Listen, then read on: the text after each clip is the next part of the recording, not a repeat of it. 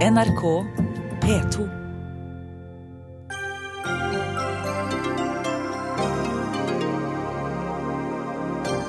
Private konsulenter tar ut millioner av utbytte etter å ha tjent godt på kontrakter over bistandsbudsjettet. Er det sånn det går når norske politikere stirrer seg blinde på et mål om å gi 1% av nasjonalinntekten i uhjelp? Systemet skal bli så godt at det ikke blir behov for private helseforsikringer, sa Bent Høie og vant valget for tre år siden. Og hva har skjedd siden? Jo, antallet helseforsikringer bare øker. Lærebok for femteklassinger som inneholdt tegninger og informasjon om puberteten, ble for drøy kost for Alta kristne grunnskole. Da limte skolen sammen sidene i bøkene. Og 95% av oss stemmer på partier som ønsker å åpne opp nye felter for olje. Er det umoralsk? Hvilket ansvar har vi for framtidige generasjoner, for andre lands innbyggere og for jorda?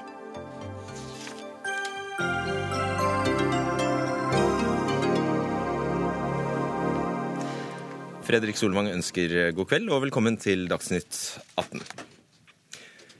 Bistandsmidler er god butikk i dette landet.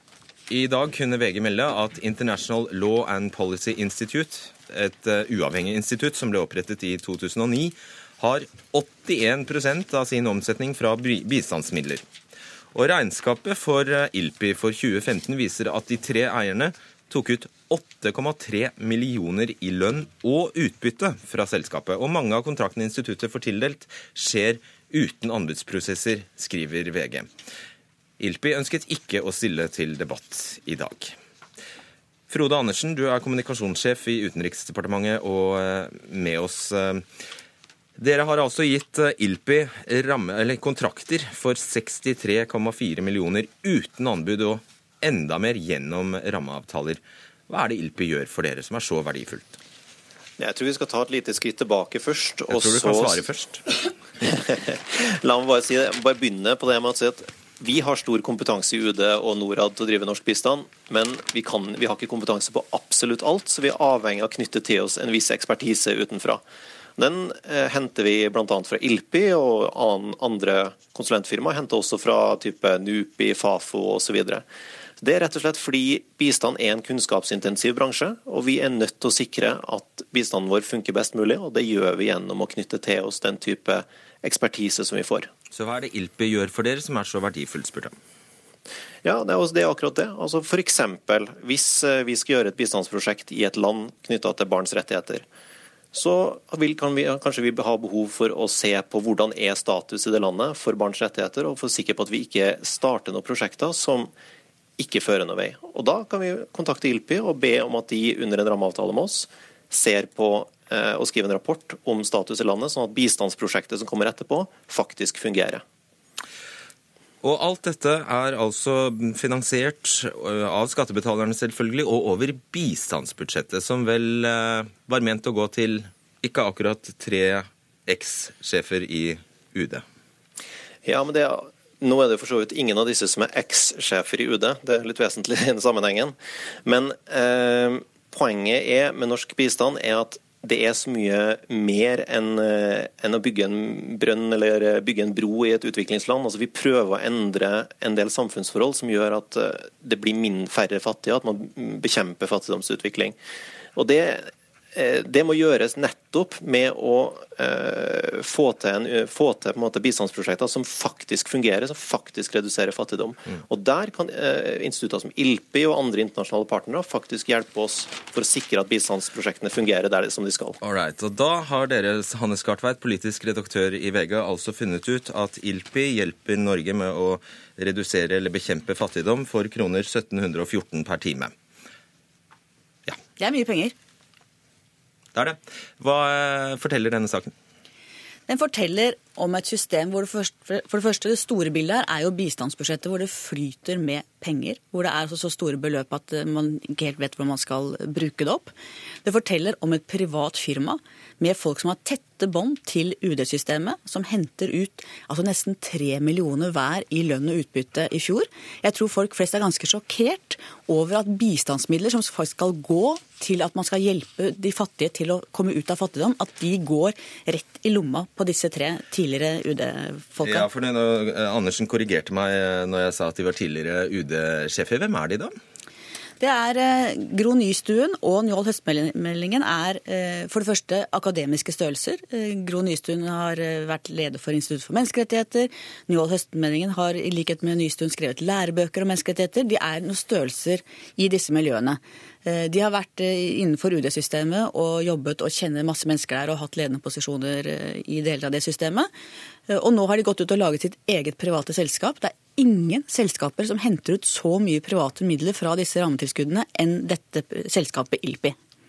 Og da lurer vi på, Andersen Én ting er jo å gasjere dem nokså høyt. Du ville jo ikke oppgi, har vi skjønt, til VG hva de eh, faktisk fikk i timen, men det har VG klart å eh, finne ut på egen hånd. 1700 kroner ca.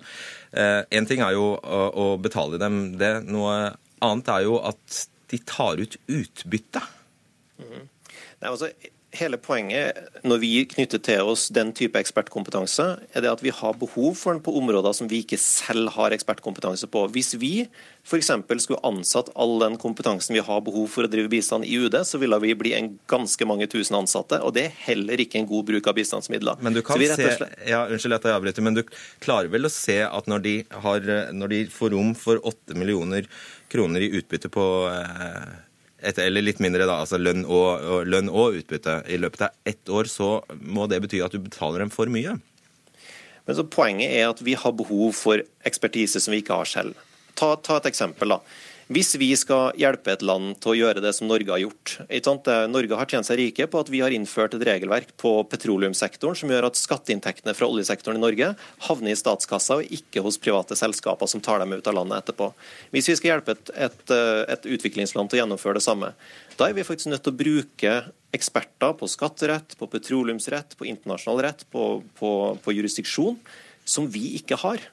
For bruker ikke vi de ekspertene på det bistandsprosjektet og sørger for at det landet får en lovgivning som er helt i henhold til internasjonal standard, så kan vi bare regne med at et oljeselskap vil finne de smutthullene etterpå.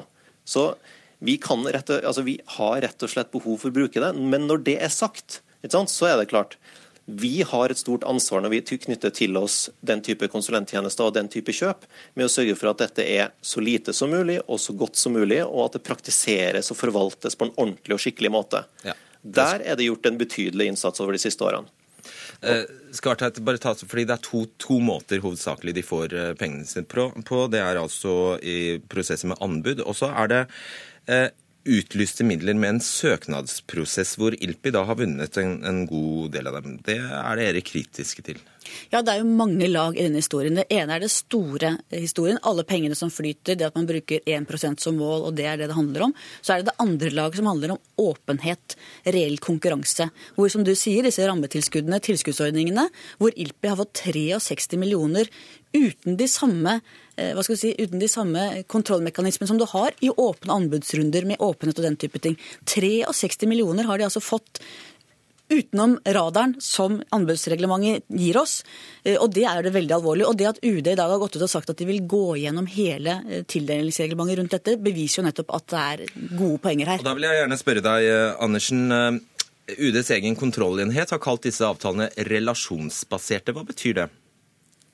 Nei, altså det som eh, VG var jo veldig selektiv i siteringa fra et brev mellom UDs kontrollenhet og en anonym varsler som ba oss se på om det var for nære relasjoner mellom ILPIs ansatte og UDs ansatte. Og Den e-posten har eh, bl.a. setning av VG siterer, før den konkluderer med at vi ikke kan se at det er gjort noe i disse sakene som foranledninger et regelbrudd i UD. Nei, var Og, det, du, du var ikke i nærheten av å svare på det jeg spurte. Hva betyr det Jo, men altså- at avtalene er relasjonsbaserte? Poeng, ja, men Poenget er nettopp det at det står i setninga etterpå at vi kan ikke se at det har foregått noe som eh, er et regelbrudd. Ja, men Det er ikke det jeg spør om. Jeg spør ikke om regelbrudd. Jeg spør hva det betyr at de er, disse avtalene er relasjonsbaserte. Hva betyr det? Det, det, det, altså poeng, det jeg ønsker å svare på, det er det neste. Det at vi, vi har gått gjennom det. Og det er kommet til at det ikke er noe skjedd noe feil. At VG ja, ikke ønsker å vel sitere godt norsk konklusjonen. at det er venner som gir penger til venner, da. Jo, men hør nå her. UD distribuerer rundt 34 milliarder eh, i bistandspenger.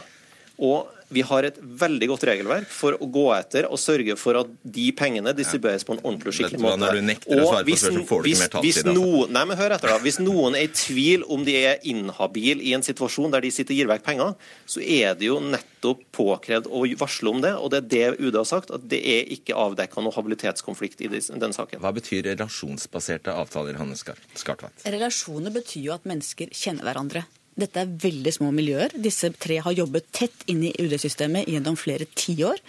Eh, og når man kjenner hverandre, er det desto viktigere å ha ordentlige kontrollrutiner, ordentlig opplegg for at du faktisk har åpenhet, og at vi i offentligheten får vite hva som skjer. 63 millioner av disse kronene har gått utenom det vanlige anbudssystemet.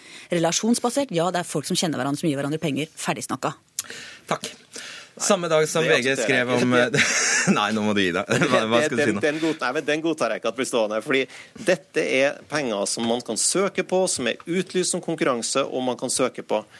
Og så er det heller ikke sånn at det er venner som har tildelt venner penger. VG konkluderer jo selv med at det ikke er foregått noe ulovlig i saken.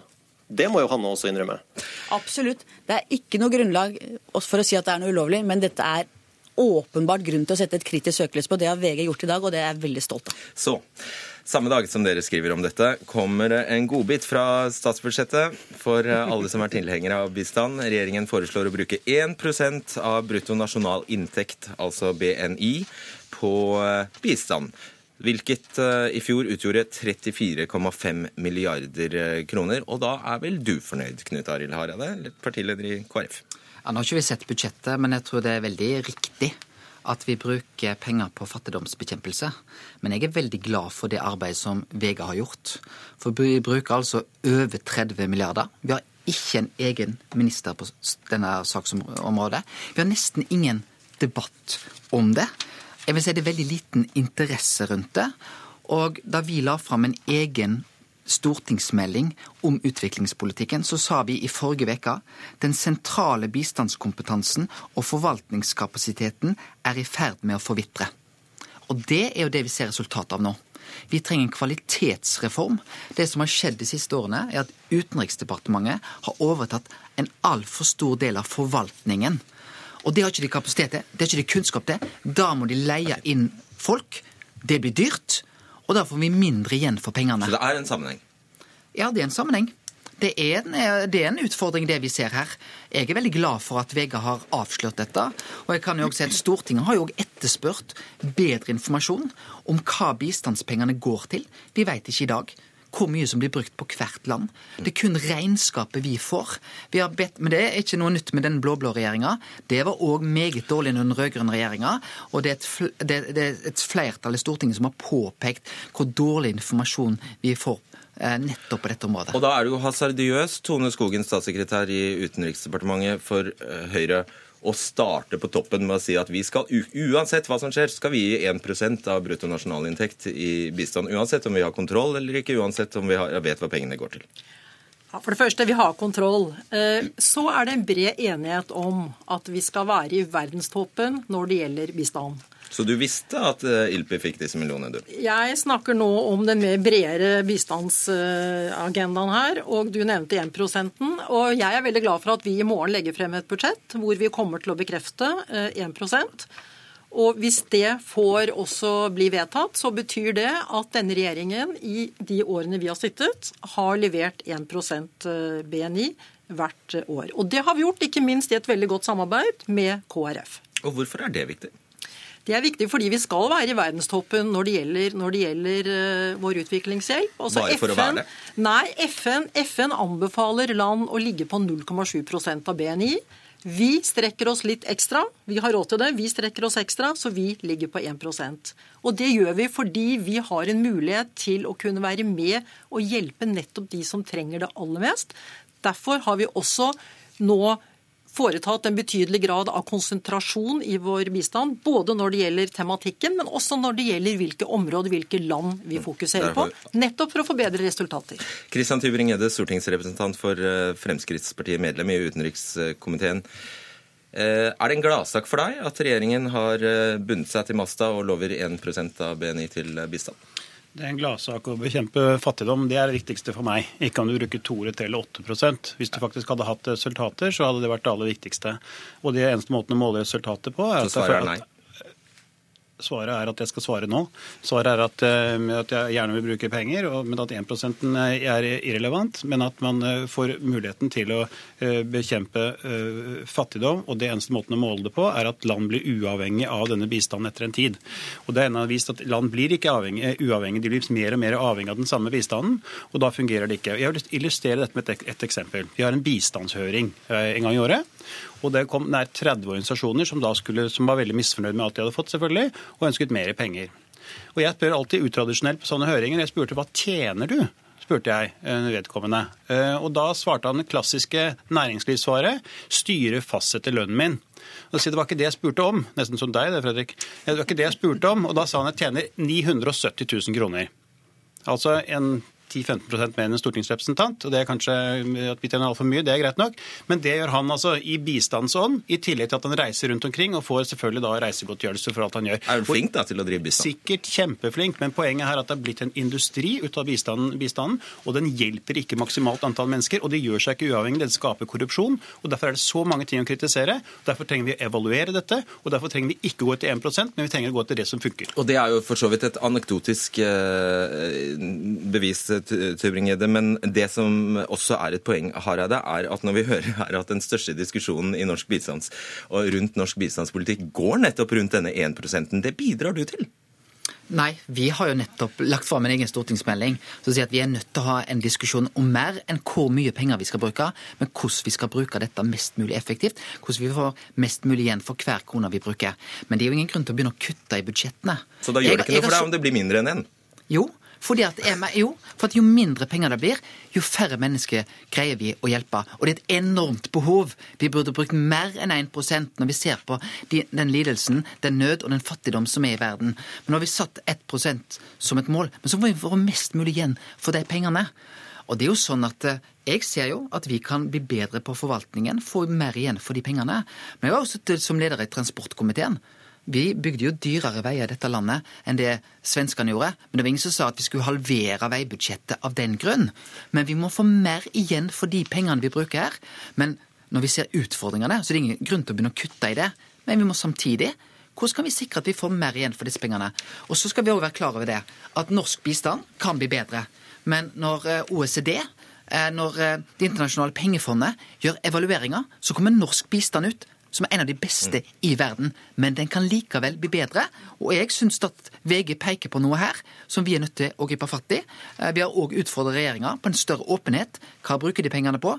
til Stortinget, og det må nå følges opp. Skartveit, du skriver i dag at du, er, du setter selv dette 1 %-målet i sammenheng med ILPI-saken. Samtidig er det jo sant som Hareide sier, at vi lever altså i en fordømt urettferdig verden. 1% av vårt BNI skulle vi ikke kunne avse det og si at ja, det gjør vi i det minste? Jeg er veldig enig med Tybring-Gjedde her. Hadde det virka at skulle ha sagt 1% 2% vi er et av verdens rikeste land, vi bør gi mye. Men hele poenget er at man snakker bare om prosenten. Og jeg tror ikke det kommer nok ut av de pengene i dag. Se f.eks. utdanning.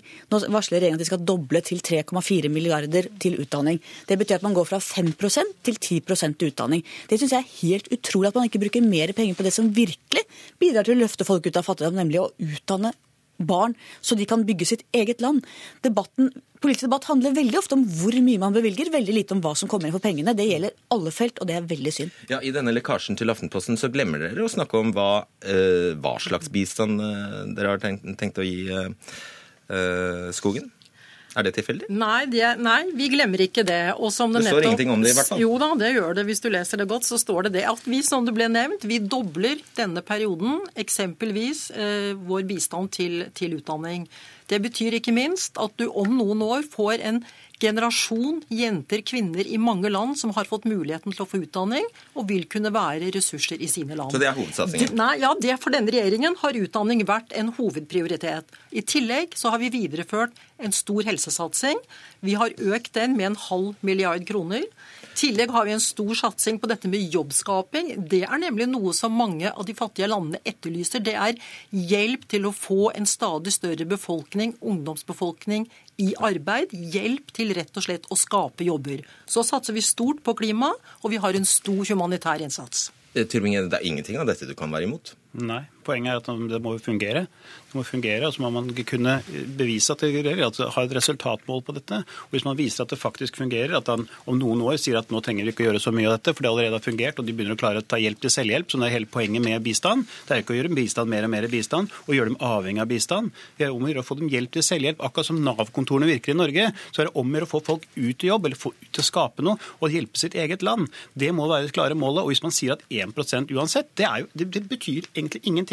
Og det er altså ingen relasjon mellom hvor mye penger du bruker og hvor mange du hjelper. Du kan hjelpe sikkert dobbelt så mange for halvparten av pengene. Men det hjelper ikke at både Tybring-Gjedde og VG her sitter og sier at bistand ikke fungerer, for bistand fungerer. Og norsk bistand er en av de som fungerer best i verden. Likevel er det bra at vi får en debatt om hvordan vi kan gjøre den enda bedre. Blir de fattige i verden mindre fattige sånn ja, generelt? Vi har altså halvert, vi har halvert eh, de som lever i en ekstrem fattigdom etter at vi satte tusenårsmålene. Det har bistand vært med å bidra til. Det har handel vært med å bidra til. Av de målene som FN satte, så ser vi at nå vi har lykkes i å nesten oppnå seks av ti mål. Det har skjedd utrolig mye positivt de siste 15 årene når det gjelder fattigdomsbekjempelse. Men fortsatt så er det en enorm utfordring. Og jeg syns det er riktig som programlederen sier. Hvis ikke vi i Norge skal ha råd til å gi 1 av vår rikdom, når vi både ser den nøden og den virkeligheten som, som verden er i dag, eh, så skal vi være de første til å sikre at vi får mest mulig igjen for de pengene vi òg bruker. Og da vil jeg bare kort spørre deg og Skogen. Det handler jo om moral til syvende og sist? Ja, men moral, det er helt det handler om moral. Vi skal hjelpe, men vi må også sørge for at den hjelpen fungerer. Og det jeg er veldig glad for nå, er bistandsbiten har vært vanskelig å angripe journalistisk. Mange har ønsket det. Hvis vi nå med vår avsløring klarer å få en ordentlig debatt om hvordan norsk bistand fungerer, så er jeg veldig glad for det. Er det et moralspørsmål for deg også? det å gi denne ene prosenten? Ikke nødvendigvis, men vi skal ligge i verdenstoppen. Men jeg, jeg, vil ikke være med på at ikke vi har gode resultater å vise til når vi kan mangedoble Vi har mangedoblet antallet som får utdanning. Vi er med på å utrydde dødelige sykdommer. Vi er ikke minst med på å bedre mødre- og barnedødeligheten. Og til Tybring-Gjedde så gjør Norge en stor innsats nettopp for å hjelpe mange land til å bli selvhjulpne ved at de kan mobilisere sine egne ressurser, som det heter på fagspråket, og i større grad bli selvhjulpne og komme ut av fattigdom om på noe tid. Men et siste poeng så må vi også huske at det er mye av dette kan ikke måles på veldig kort sikt. Og så ser du på utdanning.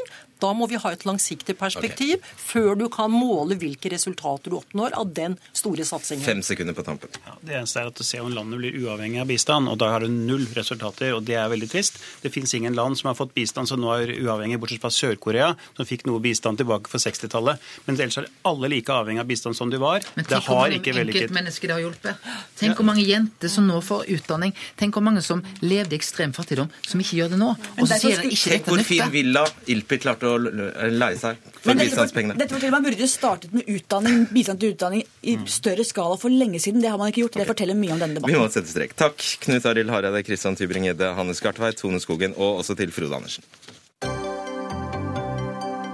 Dagsnytt 18 alle hverdager kl 18.00 på NRK P2 og NRK2. I 2013 gikk Bent Høie til valg på fritt behandlingsvalg, som skulle fungere så bra at helseforsikringer, altså private helseforsikringer, ble overflødige her til lands. Markedet for private helseforsikringer sitat, vokser fordi de rød-grønne sover på vakt og tilliten til det offentlige svekkes, sitat slutt, sa daværende stortingsrepresentant Bent Høie i 2012. Salg av private helseforsikringer er jo bare et symptom på at uh, det offentlige helsevesenet ikke fungerer godt nok. Hvis det offentlige hadde brukt eh, de, den ledige kapasiteten som er på de private sykehusene og på, hos de private spesialistene, så hadde alle kunnet valgt eh, eh, mellom offentlige private tilbud. Og det som har skjedd siden da, er at nesten 150 000 nordmenn har fått privat helseforsikring. Hvordan forklarer du det, Bent Høie? Ja, det er fordi at eh, det tar eh, tid å snu utviklingen. Men eh, nå ser vi at ventetidene går ned. Færre står i kø. Vi ser òg at salget av altså antall forsikrede, det er behandlingsforsikring, den veksten den har flata ut. og Det, det er veldig bra. Samtidig som òg tilliten til sykehusene våre har økt betydelig de tre siste årene. Står du fortsatt ved at flere fikk privat helseforsikring fordi de rød-grønne sov på vakt? Jeg mener at den voldsomme veksten i private forsikringer som en så under den rød-grønne regjeringen, den hang sammen med at folk opplevde i begynnelsen av deres periode en ganske kraftig økning i sykehuskøene og i ventetiden. Og at det ikke var særlig utsikter for muligheten til å få velge å bruke behandling hos private. Nå Høie, Hva er da grunnen til at flere får seg helseforsikring nå? Eh, unnskyld? Hva er da grunnen til at flere nå får seg privat helseforsikring? Ja, men det vi ser, det er jo at Hvis en ser fra, fra 2013 og fram til 2016, så ser en at denne veksten den flater ut. Det syns jeg er positivt. Vet du hvordan utbetalingene har vært? Økningen i utbetalinger? Utbetalingene øker som følge av at flere er inne i ordningen, men veksten i personer som kommer inn i private behandlingsforsikringer, den flater ut. Men Utbetalingen har økt med 42% fra 2013 til 2015? Ja, men som jeg sa, veksten i antall forsikringer den flater ut. og Det viser òg NRK sine tall. Men så er det jo sånn at jeg er helt overbevist, og det sa jeg òg før valget i 2013. Forsikringsbransjen den kommer til å tilpasse seg dette. De kommer til å lage flere og flere produkter som forsikrer folk mot å få dekket utgifter, som på områder der det offentlige ikke har tilbud. Men det som er viktig for meg, det er at vi sikrer oss at vi får så kort ventetid, så gode offentlig finansierte helsetjenester, at det ikke skal være en grunn til å tegne private helseforsikringer. Ålreit. Torgeir Micaelsen, stortingsrepresentant, helsepolitisk statsperson i Arbeiderpartiet. Trenden er jo klar. Stadig flere får seg helseforsikring, selv om veksten har avtatt, som Høie sier. Dette skjer altså mens Høyre er på vakt. Hva er Arbeiderpartiets hemmelighet? Det er jo å satse på det som langt på vei er årsaken til at det nå flater noe ut, selv om veksten fortsatt har vært sterk. Det er at det er de offentlige felleseide sykehusene og drevet sykehusene som behandler millioner av pasienter hvert år, som svaret ligger i å demme opp for denne utviklingen. Jeg tror at vi alle politikere som har vært med en stund, vi har alltid Av og til så angrer vi litt på hva vi har lovet og sagt, og det rammer dessverre alle partier, også mitt eget. Men det er noen valgløfter som står i en særstilling. Det er f.eks. da ja, Fremskrittspartiet lovte å fjerne alle bompenger eller alle bomringer. Og Høyre har sin kandidat, det er nemlig det som vi diskuterer her nå. at all ledig privat helsekapasitet i private sykehus skulle tas i bruk gjennom fritt behandlingsvalg, og dermed eliminere behovet, da, som Høie kalte det, for private helseforsikringer. Og Da er det litt sånn informasjonsministeriet fra andre land vi ikke liker å sammenligne oss med, når vi hører noen bortforklaringene på hvorfor det har blitt som det har blitt. Det holder rett og slett ikke mål. Apropos han. I 2012 skrev du at daværende statssekretær for Arbeiderpartiet, Bent Høie, Robin Koss, framsto som komiske Ali når han hevder at folk ikke har behov for helseforsikringer, og at dette er noe selskapene selger ved å skremme pasienter og arbeidsgivere. Og Nå skal vi høre hva du selv sa i forrige uke. Og så har forsikringsbransjen en egen interesse i å skape et inntrykk av det motsatte, for det er det som gjør at de får solgt forsikring. Ja, Mener du at de ikke forteller sannheten? De forteller ikke hele sannheten, for sannheten er at eh, pasientene nå opplever kortere ventetider. Dette er ganske komisk, Høie. Nei, jeg syns ikke det er komisk, for det er reelt. Pasientene opplever nå kortere ventetider. Jeg sa i det samme intervjuet òg at uh, men jeg er selvfølgelig ikke fornøyd. Vi skal redusere ventetidene ytterligere, og det er områder fortsatt som det er for lange ventetider. Derfor er det også viktig at Høyre og Fremskrittspartiet får fortsette jobben med å bruke mer av den ledige kapasiteten til å behandle flere pasienter på det offentliges regning. Ja, du... samtidig, samtidig, som vi òg bidrar til at de offentlige sykehusene kan behandle betydelig flere pasienter. Det har vi bl.a. gjort med å fjerne taket på hvor mange pasienter de offentlige sykehusene kan behandle. Vi har gitt de offentlige sykehusene høyere betaling for hver pasient som de behandler. Det har òg økt aktiviteten i de offentlige sykehusene. For jeg er helt enig med Torgeir Micaelsen. Skal vi virkelig få ned ventetidene, så er vi òg avhengig av at de offentlige sykehusene ikke minst klarer å behandle flere pasienter raskere og på en bedre og mer sammenhengende måte. Jo, men Du sa altså at Robin Koss framsto som komiske Ali da han hevdet at folk ikke har behov for helseforsikringer. Tre år etter gjør du akkurat det samme. Ja, men det var i en kontekst der vi òg hadde en helseminister som sa at det at flere står i helsekø er en positiv nyhet for pasienten. Eh, fordi ikke, det- må, du må du gi deg. Det er helt riktig. Nå er du, fordi, nå er du eh, gang igjen. Jonas Gahr Støre sa, det var en positiv nyhet for pasienten. For det han sa, det betyr at, at vi har fått flere behandlingstilbud. Vel, nå har vi hatt eh, tre år eh, med Høyre- og Fremskrittsparti-regjering. Det er betydelig flere behandlingstilbud, men helsekøene går ned. Det er ingen naturlov, som Arbeiderpartiet prøvde å fremstille det som, at en får en vekst i helsekøene fordi at eh, en utvider behandlingstilbudet. Eh, Og Det er den sammenhengen der som eh, fikk eh, den forrige statssekretæren til å fremstå. Men Bent Høie, hvis det er slik at du mener at du kan si at helsekøene går ned, som du sier, at folk venter kortere, hvorfor er det da slik at du etter oppslagene i NRK og i Dagens Medisin rett før sommeren måtte be ditt eget direktorat nå bruke et halvt år på å granske om hvorvidt det er riktig at pasientene venter kortere og at køene har blitt kortere. Snarere tvert imot vil mange nå hevde at eh, pasientene bare er flyttet fra din offisielle kø og inn i den interne køen på sykehuset, fordi presset har blitt enormt sterkt på å få de offisielle tallene til å se bedre ut. Så der har du også et problem. Hvis dette skulle vise seg å stemme at dette er ikke så rosenrødt som du skal ha det til, kombinert med at du lovte altfor mye før forrige valg og karakteriserte folk fra Arbeiderpartiet på en måte som du etter at du har inntatt Helsedepartementet, har heldigvis tatt mer moderate, ansvarlige standpunkt. Vet du, Jeg mener igjen at vi har alltid alle tatt litt for mye i. Nå bør du være voksen nok som ansvarlig statsråd og si at dette var kanskje ikke så lurt, den måten jeg formulerte meg på for tre år siden. Nei, Jeg mener at uh, fritt behandlingsvalg-reformen er en viktig reform. Både fordi det reduserer uh, ventetiden for pasientene, og så gir det òg pasientene økt valgmulighet. Jeg tror ikke måten noen- jeg tror ikke noen- Jeg tror ikke noen av de pasientene som har fått raskere hjelp, f.eks. på Modum Bad for sine psykiske helseutfordringer, vil være enig i Arbeiderpartiet, som går til valg på å fjerne en pasientrettighet. Det er historisk. Svar på dette med måten du formulerte deg på, Bent Høie. En pasientrettighet som gir pasientene økte valgmuligheter og kortere ventetid. Men det var ikke det jeg spurte om. har du- lukker du ørene, eller? Svar på det med måten du formulerte deg på.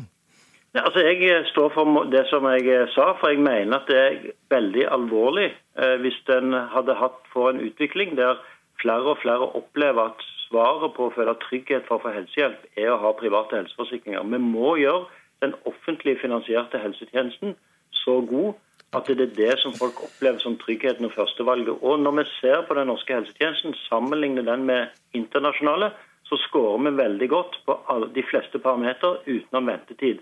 Det er òg grunnen til at dette har vært en så viktig sak for meg, og jeg er veldig glad for at vi oppnår resultater. Jeg forstår veldig godt at Arbeiderpartiet er nervøse for det ett år før valget, og prøver å slå mest mulig tvil om de resultatene som er oppnådd.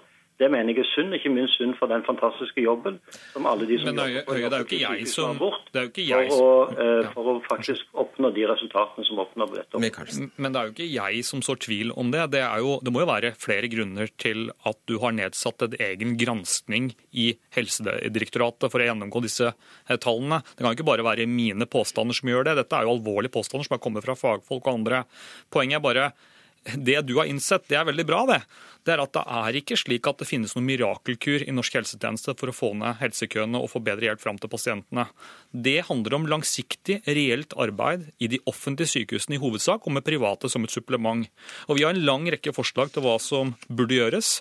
Vi kan ta i bruk flere avtalespesialister, vi kan åpne poliklinikkene på ettermiddagstid, slik vi har foreslått i Stortinget, og vi kan gi sykehusene mer penger til å investere i utstyr, fagfolk og fjerne eh, hva skal vi si, flaskehalser. Altså, Ja, men, men poenget er bare, nå, har, nå var det jeg som snakket. Nå var det jeg som snakket, Bent Høie. Så selv om du er på telefonen, så er det veldig ubehagelig at du avbryter.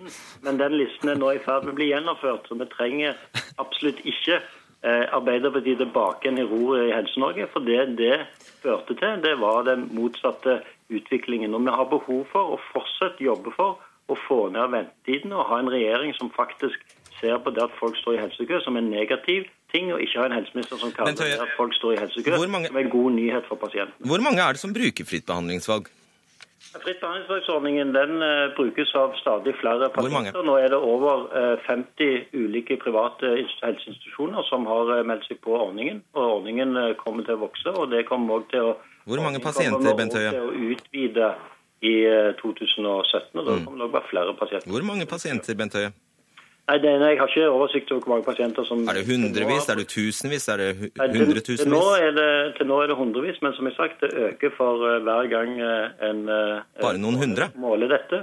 Og for de pasientene det gjelder, er dette veldig viktig. Men Ja, men bare klarer du- bare noen hundre, Bent Høie? Ikke... Unnskyld? Bare noen hundre? Til nå er det bare noen hundre, men det er for de pasientene som dette gjelder, er det veldig viktig. Eh, Fordi det har gitt de større valgmulighet, kortere ventetid, og det kommer til å omfatte flere og flere pasienter etter hvert som ordningen utvides, i tråd med den samarbeidsavtalen som vi har med KrF og Venstre. Takk skal dere ha, Bent Høie og Torgeir Micaelsen.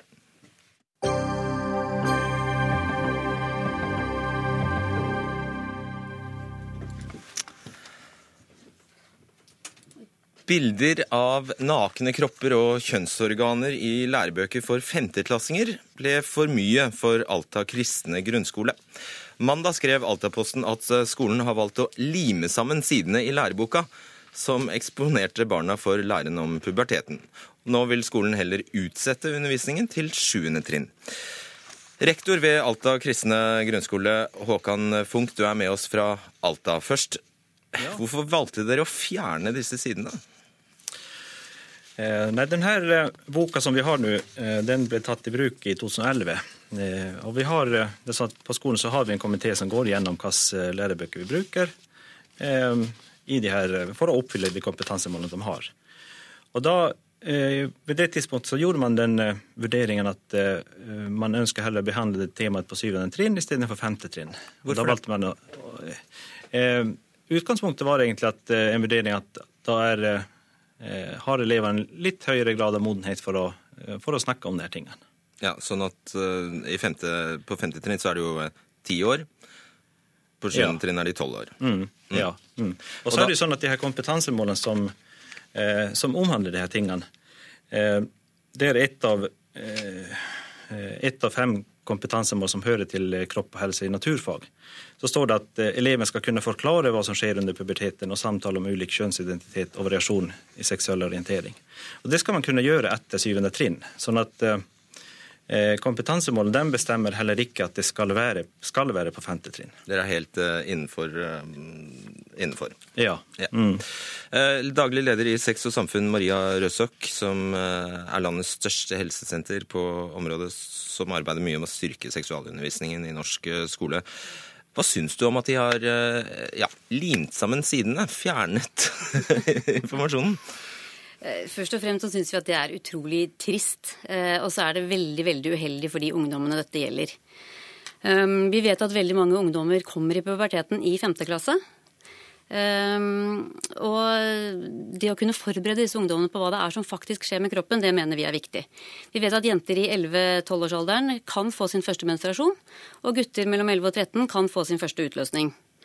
Eh, Så det er klart at det å, å, å ska, fjerne denne undervisningen når, altså før det starter med, med ungdommen eller barna, eh, er uheldig. Eh, Da skaper du usikre, usikre barn og Hvor unge. tidlig bør man begynne, mener du? Nei, vi mener man burde starte allerede i barnehagealder. I barnehagen? I barnehagen. Eh, Da snakker vi selvfølgelig ikke om pubertet, vi snakker ikke om prevensjon. Men det vi kan snakke om da, er jo språk og begreper, det å lære seg å uttrykke seg om kroppen. Om grensesetting, eh, forebygging av overgrep, eh, det å kunne snakke om hva som skjer med kroppen. Eh, Det å kjenne sin egen kropp, og det å ha respekt både for sin egen og andres kropp. De kan jo knapt snakke i barnehagen.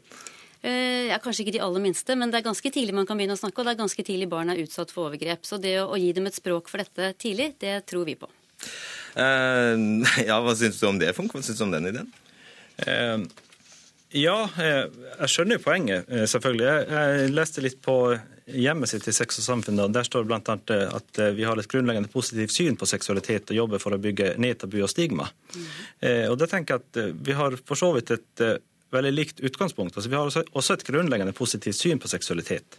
Men derimot har vi jo helt andre standpunkter og andre holdninger for hvilken plass sex har i samfunnet. Tror du du sender et positivt signal om uh, seksualitet hvis du limer igjen sidene?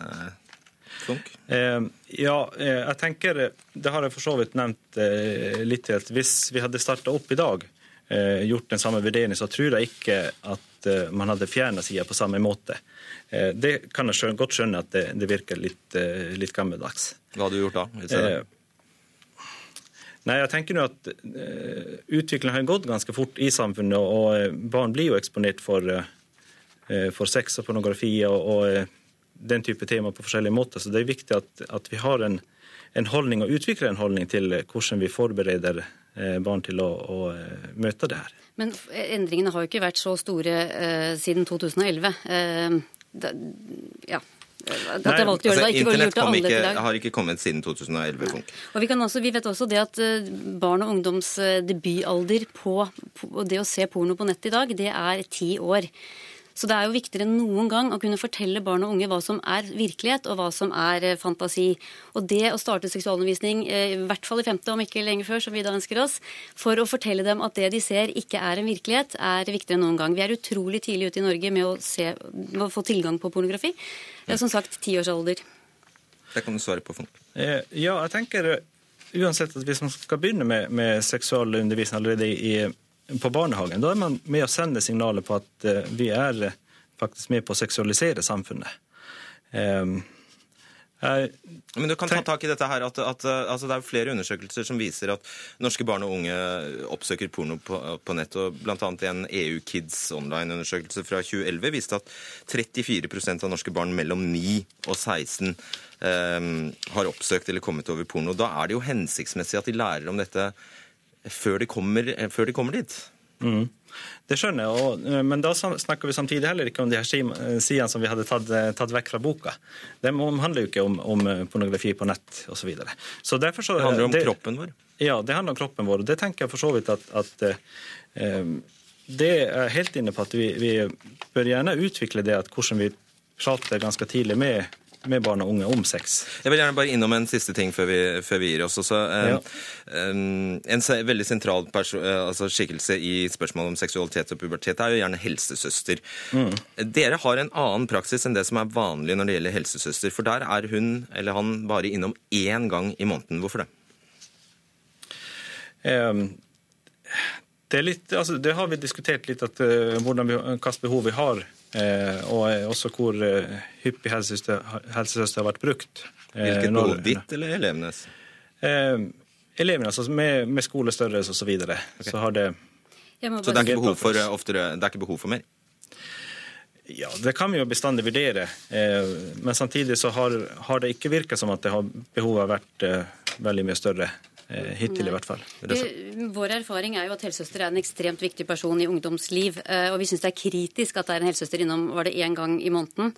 Eh, en helsesøster skal i tillegg til å dekke seksuell helse, dekke mental helse, spiseforstyrrelser, mm. overgrep, være rådgiver som en de skal kunne snakke med. Mm. Og det å fjerne dette mennesket fra ungdom i dag, det syns vi er brutalt. Mm. Og en siste ting jeg har lyst til å skyte inn også, er seksualundervisning. Vi vet at det fører til senere og sikrere seksuell debut.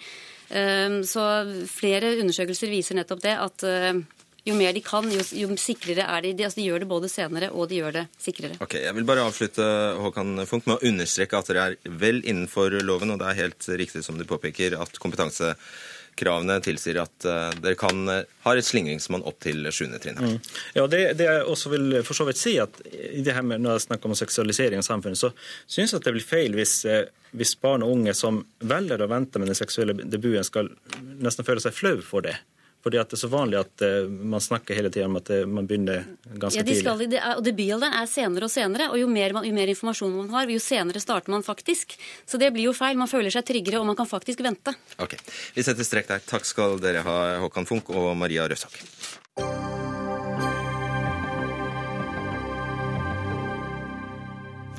Vi trenger olje og gass. Det er en fordel for det norske samfunnet at vi får inntektene fra næringen og ikke overlater de verdiene til andre land. Det sa Carl Erik Skjøtt Pedersen i NRK Brennpunkts dokumentar i går.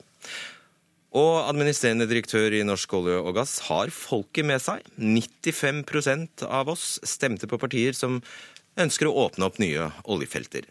Samtidig vet vi jo at minst to tredeler av reservene i verden må bli liggende om vi skal nå klimamålene, togradersmålet. Så er vi alle umoralske? Nå skal vi snakke om klima og moral, altså noe vi alle kan og bør ta stilling til. Og da legger jeg herved ned forbud mot å argumentere teknisk eller med tall. Vi skal kun snakke om moral. Carl Erik Skjøtt Pedersen, administrerende direktør i Norsk olje og gass, velkommen. Hei, hei. Miljøbevegelsen mener jo at 23. konsesjonsrunde, som nå er i gang, er grunnlovsstridig, og de vil saksøke staten. Hvilken moral har vi da, vi 95 nordmenn, eh, som egentlig har hørt dette her, at vi må la to tredeler av de fossile energien ligge hvis ikke jorda skal bli for varm. Likevel, vi velger å se gjennom fingrene og prioriterer da den velstanden, de pengene oljen og gassen fører til. Hvilken moral har vi da? For det første er det viktig å si at det er avgjørende viktig at vi klarer å nå de målene som ble satt i Paris, slik at vi unngår den oppvarminga av jordkloden som vil skape alvorlig eh, skade. Samtidig så har FN også vedtatt et annet viktig mål, og det er at menneskene på jorda har behov for tilgang på energi. Og I dag så er det faktisk en milliard mennesker som ikke har tilgang til elektrisk energi i det hele tatt. Og vi kommer fram til midten av der århundret og blir størrelsesorden 2-2,5 milliard flere mennesker på jorda. Derfor står vi overfor den andre moralske utfordringa at det er avgjørende viktig for mennesker for at de skal kunne leve gode liv, at de også har tilgang til energi. Og så er vi i den lykkelige situasjonen at de undersøkelsene som er gjennomført, de viser at disse tingene lar seg kombinere. Vi må bruke energi mye mer effektivt. Vi må få frem så mye fornybar energi som overhodet mulig. Men det er ikke mulig å klare å møte det energibehovet som verden har, og samtidig løse klimabehovet uten at vi har tilgang til olje og gass. En vesentlig del av den forskjellige verden må Konklusjonen din er at vi har en fin moral hvis vi, la, hvis vi kombinerer disse to tingene? Ja, pga. at det er ikke noen motsetning. Det prøves jo alltid mm. å lage, eller veldig ofte å lages en motsetning mellom klimamålene og det å produsere olje og gass. Men slik er det jo ikke. Men det er det, er jo slik at det er fullt mulig å nå togradersmålet samtidig som vi nå bruker olje og gass. Men vi er nødt til bl.a. å få en overgang fra å redusere bruken av kull og heller gå over til gass. Og, vil, altså, og Nå må du svare raskt på det. Oppfølgingsspørsmålet blir da på et eller annet tidspunkt, Karl Eirik Skjøtt Pedersen, eh, uten å ta stilling til når, men på et eller annet tidspunkt så vil dette etiske eller moralske spørsmålet melde seg. Hva, eh, vi må stanse. Vi har jo en tendens til, og det ligger også i ditt spørsmål, å se veldig statisk på uh, tingene. Olje- og gassvirksomheten om 20 år kommer til å være en helt annen enn olje- og gassvirksomheten er i dag. Vi kan f.eks. tenke oss den situasjonen at man utvikler eh, hydrogen basert på gass. Da kan man, altså med bakgrunn i gass fra Nordsjøen og Norskehavet, så kan man produsere hydrogen som brukes i biler, som slipper ut vanndamp, altså det ikke utslipper i det hele tatt. Og Det gjør at vi må utvikle ny teknologi. F.eks. er vi helt avhengig av at vi utvikler ordninger for samling og lagring av karbonutslipp. Det er en av de store utfordringene vi som verden står overfor. Silje Lundberg, fungerende leder i Naturvernforbundet. Du får samme spørsmål. Hvilken moral har vi, 95% av oss, som da stemmer på partier som går inn for å fortsette oljeutvinningen på norsk eh, sokkel, samtidig som vi har denne kunnskapen om eh, togradersmålet og hva som skal til? Er det moralsk riktig å la olja ligge? Ja, mener jeg definitivt det er det. Betyr det at dem som stemmer på partier som ikke har det programfesta, eller dem som jobber i olja for den del, er umoralsk? Nei, det gjør det ikke. Og det tror jeg er fordi at det blir litt for enkelt hvis man trekker så bastante slutninger fra det ene til det andre. Og det ene er jo at moral handler jo om mer enn å bare få kunnskap. Moral handler også om normer, det handler om verdier og det handler om holdninger. Og det tar det lengre tid å skape, tror jeg, enn å bare ved å få masse kunnskap. Og de blir skapt også ved at man har politikere som både tør å vise vei i vanskelige situasjoner, men som også tør å handle på bakgrunn av den kunnskapen de har. For det er jo klart at de som styrer landet vårt, har en annen kunnskap kanskje enn dem som nødvendigvis stemmer på dem. Jeg vil jo tro at Erna Solberg f.eks. vet ganske mye mer om ganske mange ting enn det jeg gjør i enkelte saker. Eh, akkurat som at Jens gjorde det, og som at Jonas sikkert gjør det også. Eh, og da er det jo noe med at da må de handle på bakgrunn av den kunnskapen. Og da blir jo neste spørsmål er det moralsk riktig av Erna å nå føre en politikk som frikobler norsk olje fra norsk klimapolitikk? Og der mener jeg også at svaret er nei, det er ikke moralsk riktig, fordi Erna har såpass mye kunnskap, fordi hun har eh, en et... Så du frikjenner velgerne, men legger, eh, mener eh, politikerne har et, har et, moralsk ansvar? Ja. Okay. Spørsmål to, Karl Eirik Skjøtt Pedersen.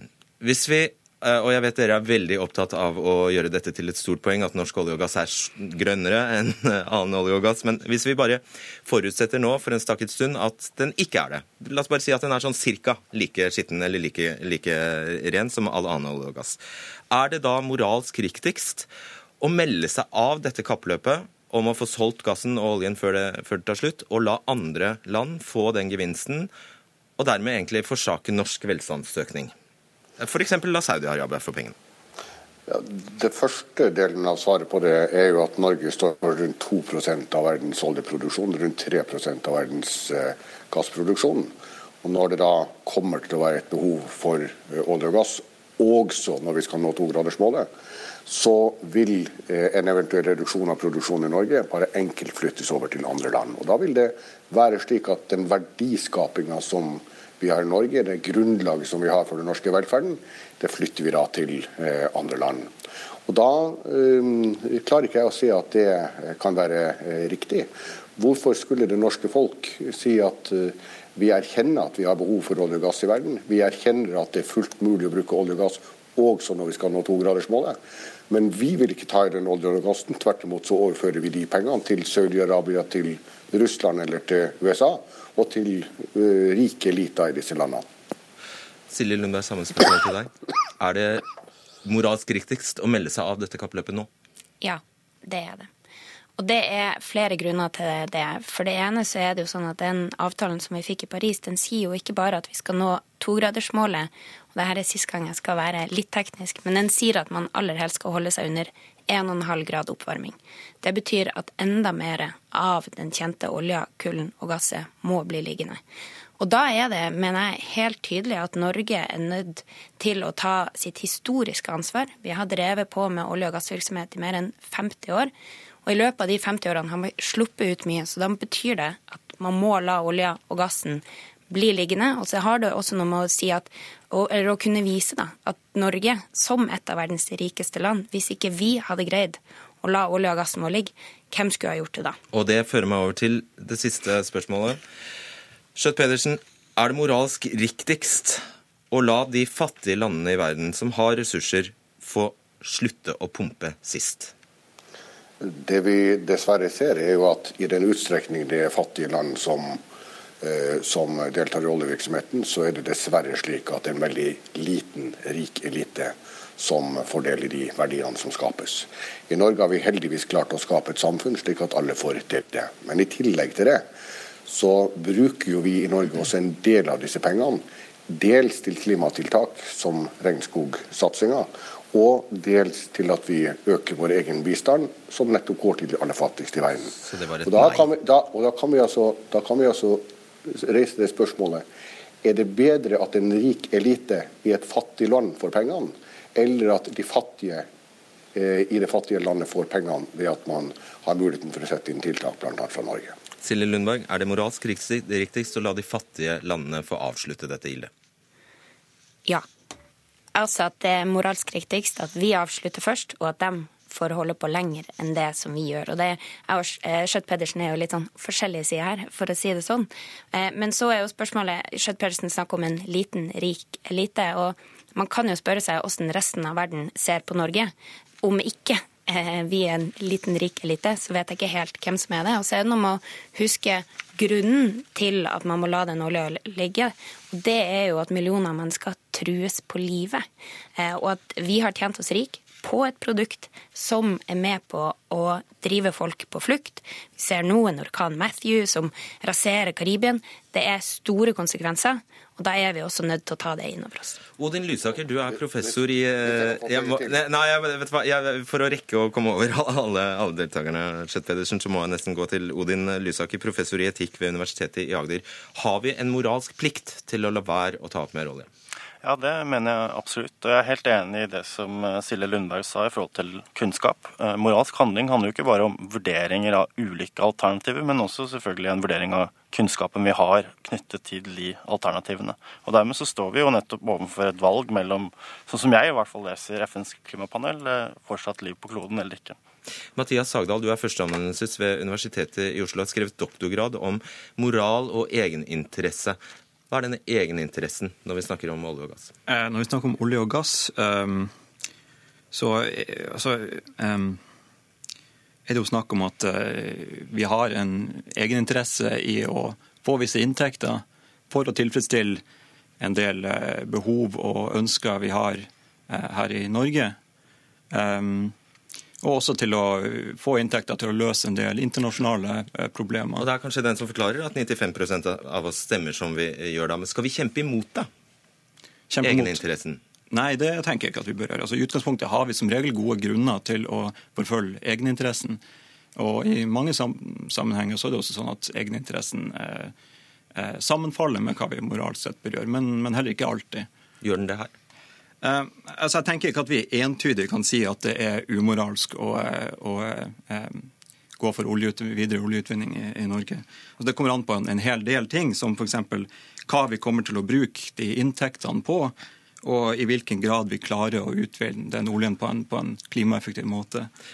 Lysaker, um Norske politikere er jo valgt av eh, det norske folk. La oss si at du er eh, folkevalgt fra Troms. Da er det jo din valgkrets i Troms du svarer til. Hvilken plikt har en stortingsrepresentant fra Hedmark eller Finnmark til å ta hensyn til framtidige generasjoner, kanskje eh, mennesker på andre sida av jorda eh, bangladeshere som står i fare for å, å, å få en flom over seg. Hvilken, hvilket ansvar har en norsk stortingsrepresentant for å prioritere bort norsk skole og eldreomsorg til fordel fra abstrakte størrelser? Ja, Det er et veldig godt spørsmål, og det er jo noe av utfordringen selvfølgelig, at dette er noe som er langt frem i tid. Eh, men poenget med kunnskap og sammenhengen mellom kunnskap og eh, moralsk ansvar er jo nettopp at hvis vi vet om konsekvensene, og det gjør vi jo i veldig stor grad når det gjelder eh, klimaendringer. FNs klimapanel har vist oss det gang etter gang. Og når vi vet at de konsekvensene får ringvirkninger for fremtidige generasjoner, men som ikke er så lange til. Det er våre egne barn og deres barnebarn. Så har vi etter mitt syn ansvar for fremtidige generasjoner, også når det gjelder oljeutvinning. Og også når de er langt borte, de menneskene vi snakker om? Ja, det vil jeg si. Og eh, her har det jo blitt Eh, nevnt noen eh, spørsmål om, om, det globale allerede i debatten før i dag. Eh, jeg tenker at kanskje vi burde brukt deler av oljefondet som vi allerede har, stoppe oljeproduksjonen, men bruke deler av oljefondet, f.eks.